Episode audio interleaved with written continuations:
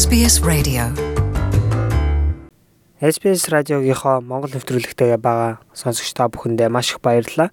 Австрали ажилчдын ажлын оронтойг цагаачд үнэндээ булаадаггүй тухай саяхны судалгаагаар тодорхойлсон. Энэ талаар SBS-ийн мэдээний албанаас хүргэсэн мэдээг та бүхэндээ хүргэж байна. Саяхан явуулсан шин судалгааны үр дүнгээр цагаачлал нь орон нутгийн ажилчдын орлогод ямар нэгэн нөлөөгүй гэдгийг харуулсан байна. Research from the Centre for Economic Development Australia says the concept that temporary skilled migration цагаачлал нь орон нутгийн ажлын байрны зах зээлд халдах аюултай гэж ярьдаг ч гэсэн эдийн засгийн нэгэн бие даасан байгууллагын хийсэн анализ судалгаагаар төр оршин суух визтэй ур чадвартай цагаачт нь Австрали ажилчдыг орлож албан тушаалаас нь булаадаггүй болохыг баталсан байна. Австрали улсын эдийн засгийн хөгжлийн хорооны хийсэн судалгаагаар ч мөн цагаачт нь орон нутгийн ажилчдын орлогын түвшинд сөргөөр нөлөөлдөггүй болохыг тодорхойлсон байна. There's a, there's a lot of temporary migrants in Australia, around 2 million at the moment. There's around 150 uh, temporary skilled migrants, and to put that into context, that's less than 1% of the labour force.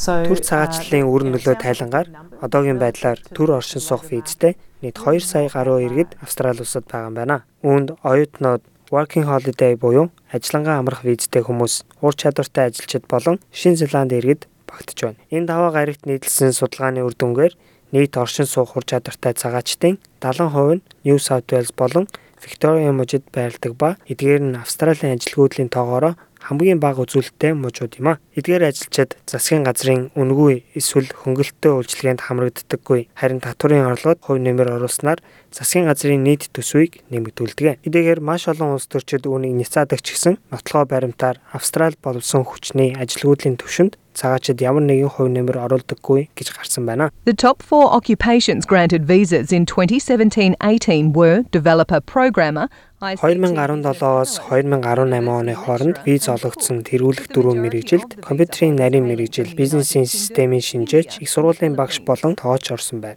Төр оршин суух визнес иргэншил авч чадсан хүмүүсийн тэргүүлэх гурван улсад Их Британи, Энэтхэг, Филиппин багтжээ. Committee of Economic Development of Australia буюу Австрали улсын эдийн засгийн хөгжлийн хорооны гүйцэтгэх захирал Мелинда Силянто хэлэхдээ эдгээр ажилчид манай улсын ажиллах хүчинд эргээр хувь нэмрээ оруулж мөн бизнесүүдэд маш чухал нөлөө үзүүлсэн хэмээн ярьж байлаа. Төр оршин суух чадвартай цагаачлалын үр нөлөөллийн асуудал нь байнгын анхааралд байсан. Энэ цагаачлалын хөтөлбөрт тогтмол өөрчлөлт гарахад хүргэж байна. Хамгийн сүүлийн жишээг авахад өнгөрсөн жил гэхэд 457 ангиллын визийг хүчингүй болгосон. Визний ангиллын ийм таамаглах аргагүй бодлогууд нь бизнесүүд тодорхой төлөвлөгөө гаргаад ажиллахад саад болж байна хэмээн тэрээр нэмж дурдлаа. Бидний хувьд бизнесүүдэд олон улсын чадварлаг эксперт мэрэгжилтнүүдийг авч ажиллуулахад нь хэлбэр болгох хэрэгтэй гэж бодож байна. Судалгаанаас харахад төр оршин суух хөдөлмөр эрхлэх насны ур чадвартай цагаачид нийт Австралийн ажиллах хүчний 1% хүрэхгүй ба харьцангуй өндөр буюу